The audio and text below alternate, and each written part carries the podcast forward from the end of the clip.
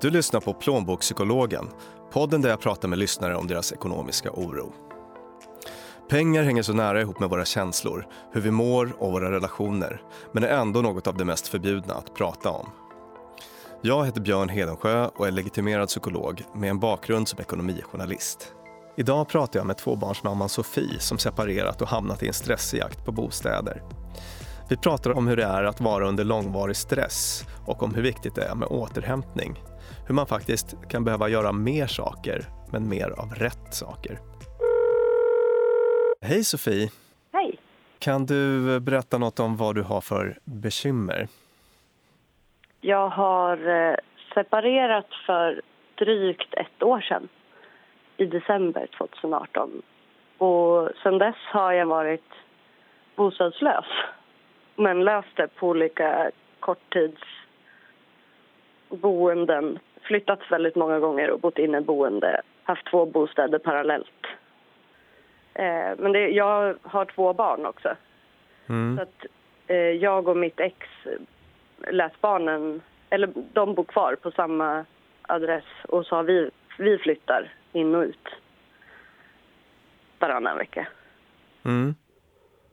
Eh, men i början funkade det bra, men ganska snabbt så kände man att eh, en grundtrygghet i att ha ett eget hem som försvann. Och så började det successivt bli väldigt jobbigt. Det låter som att det har varit ett, en tuff tid. Ja. Hur påverkar det dig, skulle du säga? Det tärde på mig liksom att behöva leta bostad konstant, framför allt eftersom man hela tiden då aktivt behöver leta på alla möjliga olika sätt. Eh, plus att jag visste att jag var i en ekonomisk sits. Att jag, vi bor i en hyresrätt, vilket gör att vi kan inte sälja en bostadsrätt och dela på en eventuell vinst. Utan min enda lösning var att hitta en annan hyresrätt.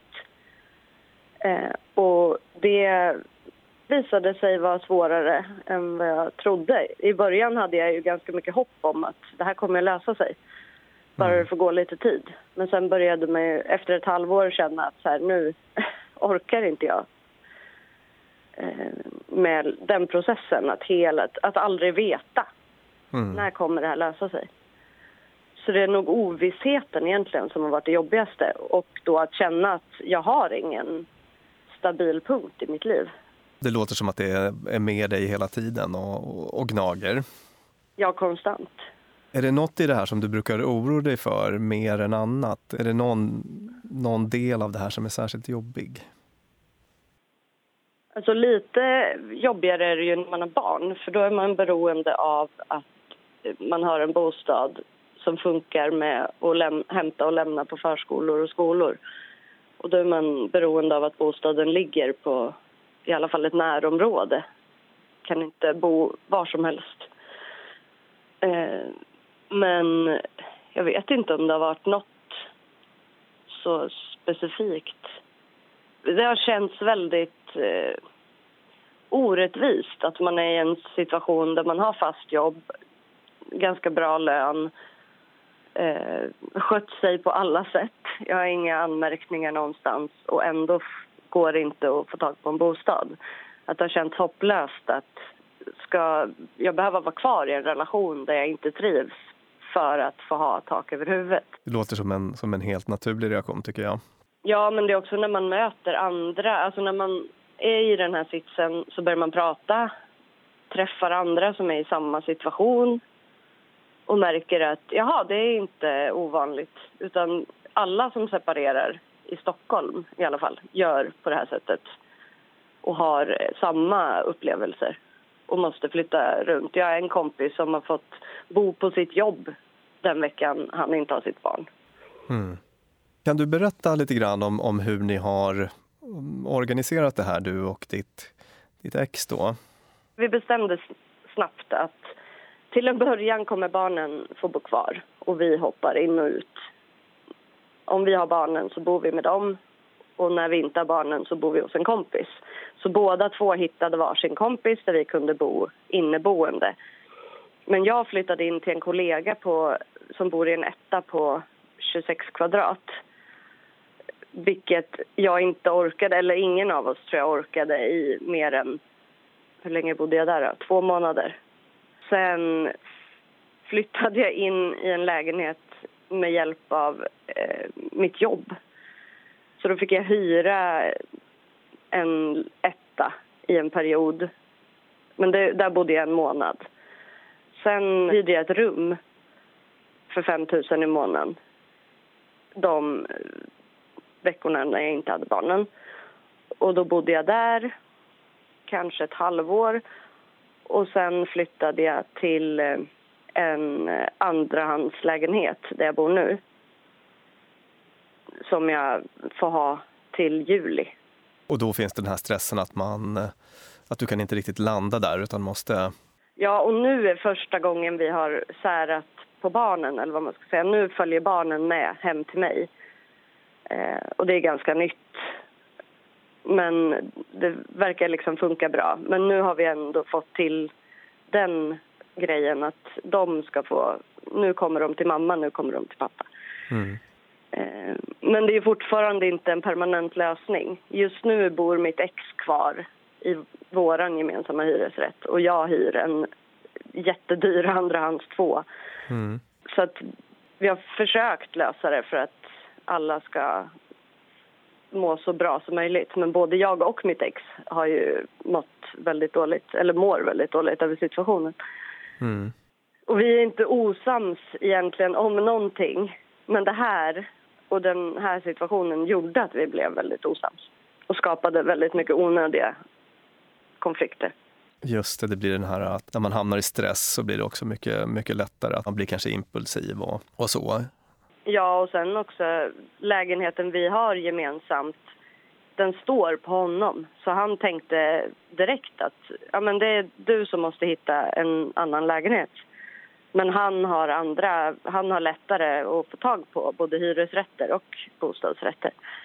Eh, vilket gör att det har blivit en clinch mellan oss. För att jag rent lagligt har rätt att överta hyreskontraktet via sambolagen. Och då har det blivit eh, konflikt. För att han har känt att men det här är min bostad. Mm. Det låter som att du, du tänker att om det hade varit lite lättare för er så hade ni inte hamnat i konflikt överhuvudtaget? Nej, antagligen inte. Eller det vet man väl inte om man hade hamnat i konflikt över nåt annat. Men jag kan väldigt tydligt se en skillnad när det kommer till Stockholm i alla fall. Att de som är födda här och har upp, växt upp här de har mycket lättare att hitta lägenheter. Antingen genom att de har föräldrar som har en villa eller en lägenhet som de kan belåna och därmed hjälpa sina barn att köpa en lägenhet. Medan vi som inte är uppväxta här har inte alls samma förutsättningar. Mm. Och jag, alltså jag har inte stått lika länge i bostadskön heller av den anledningen. Så att det blir svårt när man har kommit hit tillsammans med någon att komma loss och stå på egna ben. Och det har känts, det har knäckt liksom självkänsla på något sätt. Att det är så här, men vadå, klarar inte jag mitt eget liv? Jag är ju vuxen och klarar av att ha två barn. Jag jobbar heltid, men eh, en bostad borde väl vara... Eh, borde man få tag på då, liksom. Den här oron och stressen som du beskriver väldigt fint, tycker jag. När brukar den vara som svårast? Eh, för mig är den svårast de veckor jag har mina barn. För jag märker så tydligt att jag inte fungerar lika bra som förälder. Mm. Jag blir mycket mindre stresstålig, arg oftare och är trött väldigt, väldigt ofta. Eh, men framför allt de veckorna när jag... Och jag orkar inte riktigt med mitt jobb heller som jag brukar göra. Så det blir en... När det är en långvarig process så här så blir det liksom värre och värre och värre hela tiden. Och framför allt att flytta många gånger. Egentligen inte mot min vilja, för jag vill ju fortfarande separationen var ju högst frivillig men det är... Det liksom tär lite i taget hela tiden tycker jag.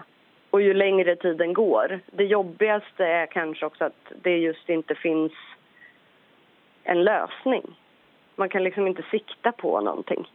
Mm. Annars hade man kanske kunnat ha, haka tag i att ja, men om åtta månader så har jag en lägenhet.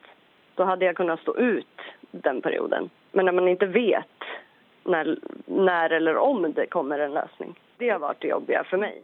Det finns undersökningar som visar att, att när folk får lista vad som är mest stressande i livet, då brukar flytt komma väldigt högt där på sådana listor. Det kan vara en helt vanlig flytt så att säga under normala omständigheter till ett nytt permanent boende så att säga. Så att det här som du beskriver, att täta flyttar efter ett uppbrott med, med, med barn inblandade, det är inte ett dugg konstigt att det så att säga verkligen, verkligen eh, blir jobbigt och svårt. Mm. Jag förstår verkligen hur tufft det måste kännas. Mm. Så att det låter som att den här oron och stressen då är eh, nästan ständigt närvarande, särskilt under veckorna då du har barnen, eller då märker du av det mer för att du, känner, du känner att det påverkar dig i ditt föräldraskap? Ja, det påverkar mig mer då, men jag tror egentligen det är mer närvarande när jag inte har barnen, själva oron kanske. För då hinner jag ju tänka på och det är då jag hinner söka bostäder. Det är då jag tar tag i mm. sakerna. Och den stunden finns ju inte när jag har mina barn och då kör livet på i 150 konstant och så känner man ändå att ja, men jag borde gå in och titta om det finns några bostäder. Men vad spelar det för roll? Jag får ju dem ändå inte för att jag ligger på plats 523. Mm. Så det blir liksom ett ekorrhjul. Att det är så här, ja, jag borde gå in och söka. Men det är ju ändå ingen idé. Du har blivit verkligen krocktestad, eh, kan man ju säga, eh, i den här situationen. Att, att först är det ett uppbrott med alla känslor som det innebär. Uh, och, och, sen så då att behöva hantera det här under så pass lång tid. Jag hoppas också att du stannar upp och, och uh, klappar dig själv på axeln för att uh, det är ju... Ja, klappa mig på axeln gör jag nog inte så ofta. Nej, det, det, det, det, är svårt att stanna upp och göra det kanske. Ja. Har du någon, du, har du någon i din närhet som, som du kan prata med om det här och som, som kan stötta? Jo, men det har jag. Men jag har ju liksom Eh, jag har ganska lite familj. Jag har bara min mamma egentligen. Jag är ensam barn. Mm. Eh, och det känner jag av. Hon bor inte så nära. Eh, men sen har jag andra nära kompisar. Och prata om det kan jag göra och ventilera och hej och hå. Men jag, senast igår så hade jag en dipp när jag var så här, ah, jag klarar ju ingenting, vad är det här? Mm. Men då hade jag en kompis som verkligen sa, men nu, ryck upp dig, du måste ju vara stolt över dig själv som har klarat av det här och du har nu en bostad, även om det inte är en permanent bostad så har du det här och du har barnen har det bra, det är liksom allting funkar. Mm. Nu har jag sökt eh, eh, hjälp via vårdcentralen så nu har jag börjat träffa en psykolog mm. för att jag är ganska säker på att jag är på väg att bli utmattad det är djupt mänskligt i, i, i din situation att, att känna så. Och eh, jag törs nog säga att alla som, som eh, hade samma utmaningar eh, skulle ha samma upplevelse. För att den där återhämtningen, den behöver vi. Jag gissar ju att barnen känner av att det är så också, såklart. Mm. Att de har en stressad förälder som inte riktigt är närvarande de blir mer uppjagade eller liksom kräver mig mer för att de märker att jag... Det blir liksom också ett ekorrhjul av den relationen på något sätt. Det hade varit bättre om jag kunde landa i att nu är jag bara med barnen. Men det är lite svårt. Jag tror att de allra flesta eh, föräldrar känner igen det här du beskriver. Att man förstår att det skulle förmodligen hjälpa att vara lugn och ostressad i den här situationen. Kanske när man ska klä på dem inför ja. förskolan eller skolan eller vad det kan vara på morgonen. Att det skulle förmodligen gå lite lättare om jag mm. inte var så stressad men att man inte riktigt kan hjälpa det på något vis och att man mm. eh, kanske ryter till på ett sätt som gör allting lite bökigare och besvärligare. Har du några särskilda sådana situationer när det, under de här barnveckorna när det brukar bli på det viset? Ja, morgnarna är ju tuffa. Mm. Eh, att ha en tid att passa eftersom jag har ett jobb där jag verkligen måste vara i tid. Mm. Eh, men eh, sen också innan de får i sig middag är kritisk. Mm. När man måste laga mat och samtidigt har två som vill ha ens uppmärksamhet helt för sig själv. Eh, men det är väl de bitarna jag tycker är svårast jämfört med när man levde tillsammans med en annan förälder också. För förut kunde ju en laga mat. Den andra kunde ju faktiskt ägna sig åt barnen. Ehm, även om man ibland kom hem själv och skulle laga mat så visste man att så här, men pappa kommer hem sen eller vi kan göra det här. Då kan jag spela spel med dig. Mm. Nu finns ju inte den möjligheten när man är helt, när det bara är en vuxen. Då går det inte riktigt att lova att du och jag, bara vi två, kan göra det här. Mm. Och utanpå så att säga, allt det här vanliga så, så har du då den här pressen att, att äh, fixa med, med bostäderna. Ja, det är väl den som är också att man inte... Alltså för mig, jag uttrycker det som att det är en, någon grundläggande trygghet som rycktes bort som jag inte riktigt var beredd på. Jag får en tanke om att man kanske skulle kunna skapa en regel som är så här att det låter som att du verkligen lite akut behöver ta hand om dig själv lite mer under de här barnveckorna. Och att ett sätt att, att göra det skulle kunna vara att lyfta bort det här bostadssökandet från de veckorna. Hur känns den tanken? Känns den eh, svår eller svår, svårt att genomföra eller så? Mm, nej, det skulle nog funka. Men det är mer att när man söker framförallt hyresrätter så får jag väldigt mycket pling i min telefon. Mm. Eh, för att man har registrerat sig på olika, eh, hos olika hyresvärdar och de skickar mejl. Nu Mm. finns det lägenheter. Och då gäller det att faktiskt gå in och söka dem snabbt när de kommer dit. Annars så är man körd. Eh, Okej. Och då skulle det kännas som ett stressande moment att, eller jag skulle nog också må dåligt i efterhand att, ah, nu missade jag fem lägenheter i Tyresö ehm, för att jag inte gjorde det här. Och det Så man, eh, man behöver hålla lite koll, eller man behöver ha på de notiserna helt enkelt och, och agera direkt? Eller sk- skulle man... Inte precis direkt, Nej. man kan vänta två dagar. Det är inget konstigt. Men, men man kan inte vänta hur länge som helst. Då har jag ett förslag som är så här att du sätter en regel som är att du varannan dag vid en viss tidpunkt, kanske klockan 22 eller när, när du vet att barnen har lagt sig Mm. och att du får vara lite ostörd, att du avsätter en, en speciell tidsfönster till att gå in och kika på det här så att inte det behöver ligga och pocka på uppmärksamheten hela tiden. Ja, just det. Får man ha larm på telefonen då? Det kan vara ett sätt att påminna sig själv om det. Då. Alltså jag tror det skulle göra mig lugnare. Att jag vet att det är så här, men när mobilen ringer, då ska jag göra det här. Just För då det. behöver jag inte heller komma ihåg. Ja, så, så att man kan liksom avgränsa de här, vad ska vi kalla det, eh, liksom arbets eller orosperioderna lite grann om, om möjligt. Att skapa någon, någon sån eh, regel av något slag. Så att det är det ena jag tänker att du skulle behöva göra under de här barnveckorna. Och det andra, det är att faktiskt planera in återhämtning. För att när, när livet är lite eh, krävande så när man är i situationer som, som påminner om din så, så blir det lätt att man allra först väljer bort sånt som, som brukar ge en energi.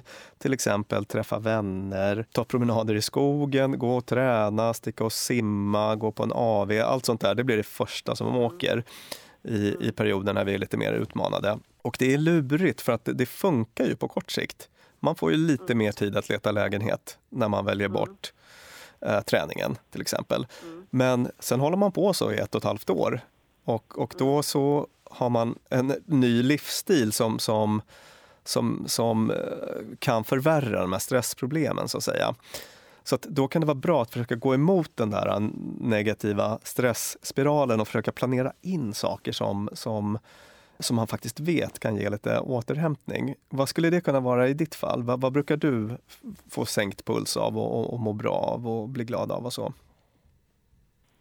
Eh, jag skulle nog säga yoga. Mm. Går det att få in under rent praktiskt under barnveckorna på något sätt? Skulle du kunna göra hemma på kvällen? Ja, ja det, jag har bara gjort yoga hemma. Mm. Eh, det är ju precis att jag bortprioriterar det. Jag har haft rutin på det förut. Mm. Men nu blir jag lat och så tänker jag nu har jag 40 minuter, sen måste jag gå och lägga mig. Och då vill jag hellre sitta i soffan. Mm.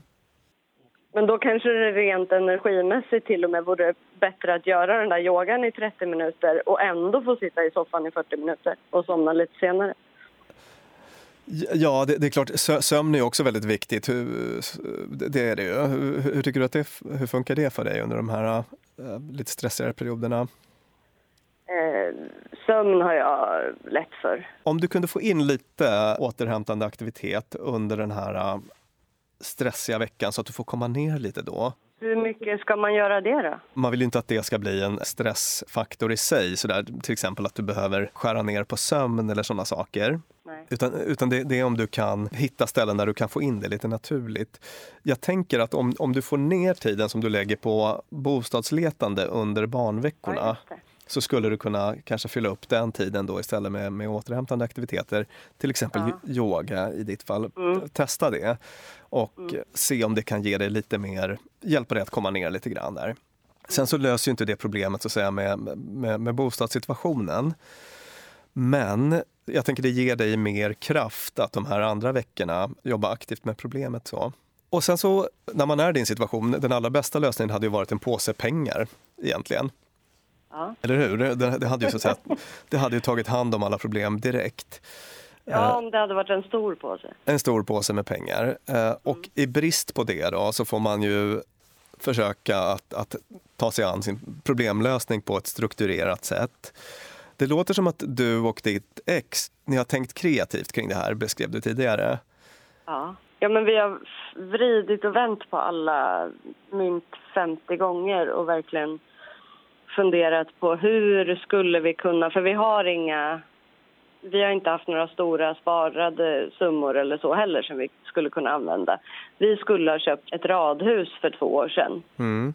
Men då skulle vi fått hjälp av hans föräldrar. Så han skulle få för, förskott på sitt arv. Så att vi fick en insats. Och nu Mm. har vi liksom försökt vrida och vända på att säga, ja men går det att utnyttja de eh, möjligheterna och, i det här utan att han behöver flytta? En sån där äh, grej som jag och mina kollegor brukar jobba med ibland när, när vi har äh, träffar klienter som har liksom kört fast lite, det är det att man just försöker att ägna sig åt lite strukturerad problemlösning, där, men där man är, försöker vara väldigt, väldigt fri i sin eh, brainstorming, att man brainstormar lösningar där man faktiskt ger utrymme även för sånt som är lite knasigt eh, eller lite galet. Att man, man, man gör en sån lista där man verkligen släpper, försöker släppa tankarna helt fria för att för att det blir lätt att, att man hamnar i lite gamla hjulspår och, och eh, eh, att man eh, tänker väldigt mycket på genomförbarhet när man ska lista sina lösningar. Fast eh, nu när jag pratar med dig så låter det som att du och din, ditt ex, ni har tänkt ganska, ganska fritt kring det här. Ja, jag tror det, men vi kanske kan tänka ännu knasigare. Ja, just det. Det, det låter som att det finns en kreativ kapacitet här, helt klart. Ja, för att ibland när man tillåter sig själv att tänka så fritt så kan man, så kan man komma på sånt som man tidigare inte har sett. ehm, Eller spår som man tidigare inte hade sett. Har ni funderat på till exempel hur, hur det skulle vara att, att, att bo på annan ort eller så, där det är mindre knepig Eh, bostadsmarknad? ja, jag har tänkt det. Mm. Eh, För att jag... För, eh, att det här började bli stressigt och jobbigt kom före för mig än vad det gjorde för honom. Eh, så för mig har det här varit jobbigt sen, jag skulle väl säga sen mars förra året. Mm. Eh, att det blev liksom tydligt jobbigt då. Men... Och sen efter några månader till så var jag så här, men vi får ju flytta på oss. För vi kan inte ha en situation under så här lång period där det inte finns ett ljus i tunneln. Då måste vi kanske överväga att flytta till en annan ort. Mm. Så jag har tänkt så. Men det vill inte han. Men det är ju också, alltså han sitter ju i en annan...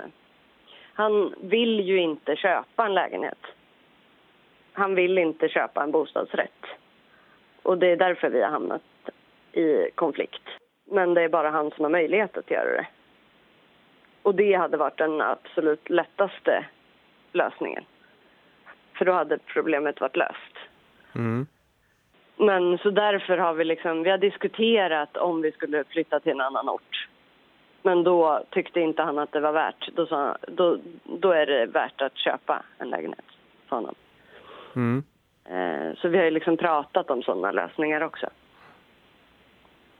Och, och finns det någon möjlig öppning där eller? Att flytta till annan ort? Ja, Nej. nej. Mm. Men sammanfattningsvis då att när man lever med, med liksom kronisk stress, det är slitigt och det är mycket att ta hand om. Så det blir väldigt tufft också att ta sig an den här äh, problemlösningen så att säga. När man ska göra det, att man har kanske inte riktigt kraften. Det kan också vara svårt att, att, att tänka klart och kreativt. Jag vet inte om du känner igen det när man är eh, uppe i varv eller oroar sig. Jo, så är det. Man, eller jag fastnar. Mm. Det blir nästan eh, blankt. Antingen blir det som att huvudet känns helt tomt eller så känns det som geggamoja. Och då kan det vara svårt att tänka nytt eller komma framåt och sådär. Under de här omständigheterna så skulle jag säga att det viktigaste du kan göra är att ge dig själv lite andrum. Och så kan det förhoppningsvis ge lite skjuts då i, i, i problemlösningen. Men att inte glömma bort dig själv i, i allt det här. Att försöka ge, ge dig själv lite återhämtning. Eh, och, och, och släppa lite på gaspedalen.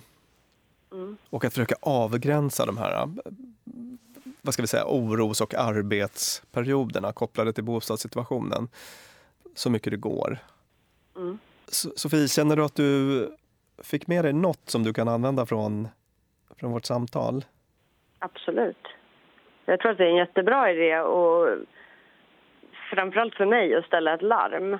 För då kan jag också säga till mig själv om jag kommer på tanken att nu borde jag... Nej, just det. Det här ska jag göra imorgon klockan 21. Just det, ibland behöver man hjälpa sig själv med sådana regler och påminnelser faktiskt. Ja, då kan jag liksom prata med mig själv. Mm. Inte högt kanske, men jag kan mentalt liksom... När tanken kommer så kan jag slå bort den. Mm. för stunden. Att det är så här, ja men nej, inte nu. Ja men nu när jag flyttade in till Sköndal i nio år, så redan när jag flyttade in där började jag få ångest för när jag ska flytta ut, fast det är i juli. Mm. Istället för att så här, ja men titta, nu får jag landa på ett ställe. Just det. Ja, det hjärnan är en, en professionell problemsökarmaskin kan man ju säga. Det är någonting vi har med oss från, från evolutionen. Det var nyttigt för våra förfäder att, att, eh, och förmödrar att alltid hålla koll på alla problem och risker som kunde dyka upp i framtiden. Men, men det där ställer ju till det för oss också. Det gör att, att, att oro över sådana saker lätt hänger med oss hela tiden. Fastän det skulle vara skönt för oss att kunna slippa oroa oss lite då och då. Men jag ska skicka med dig också att påminn dig själv någon gång då och då om att du är en väldigt kapabel person som, eh, som har kämpat på under, under tuffa omständigheter och eh, som, som eh, gör ett jäkla jobb helt enkelt. Mm. Det ska jag försöka unna mig att tänka. Ja, gör det. Och tack för att du delade med dig. Ja, det var så lite. Mm. Tack för att jag fick tips. Mm. Ha det bra. Ha det bra. Hej. Hej. För jag orkar inte mera nu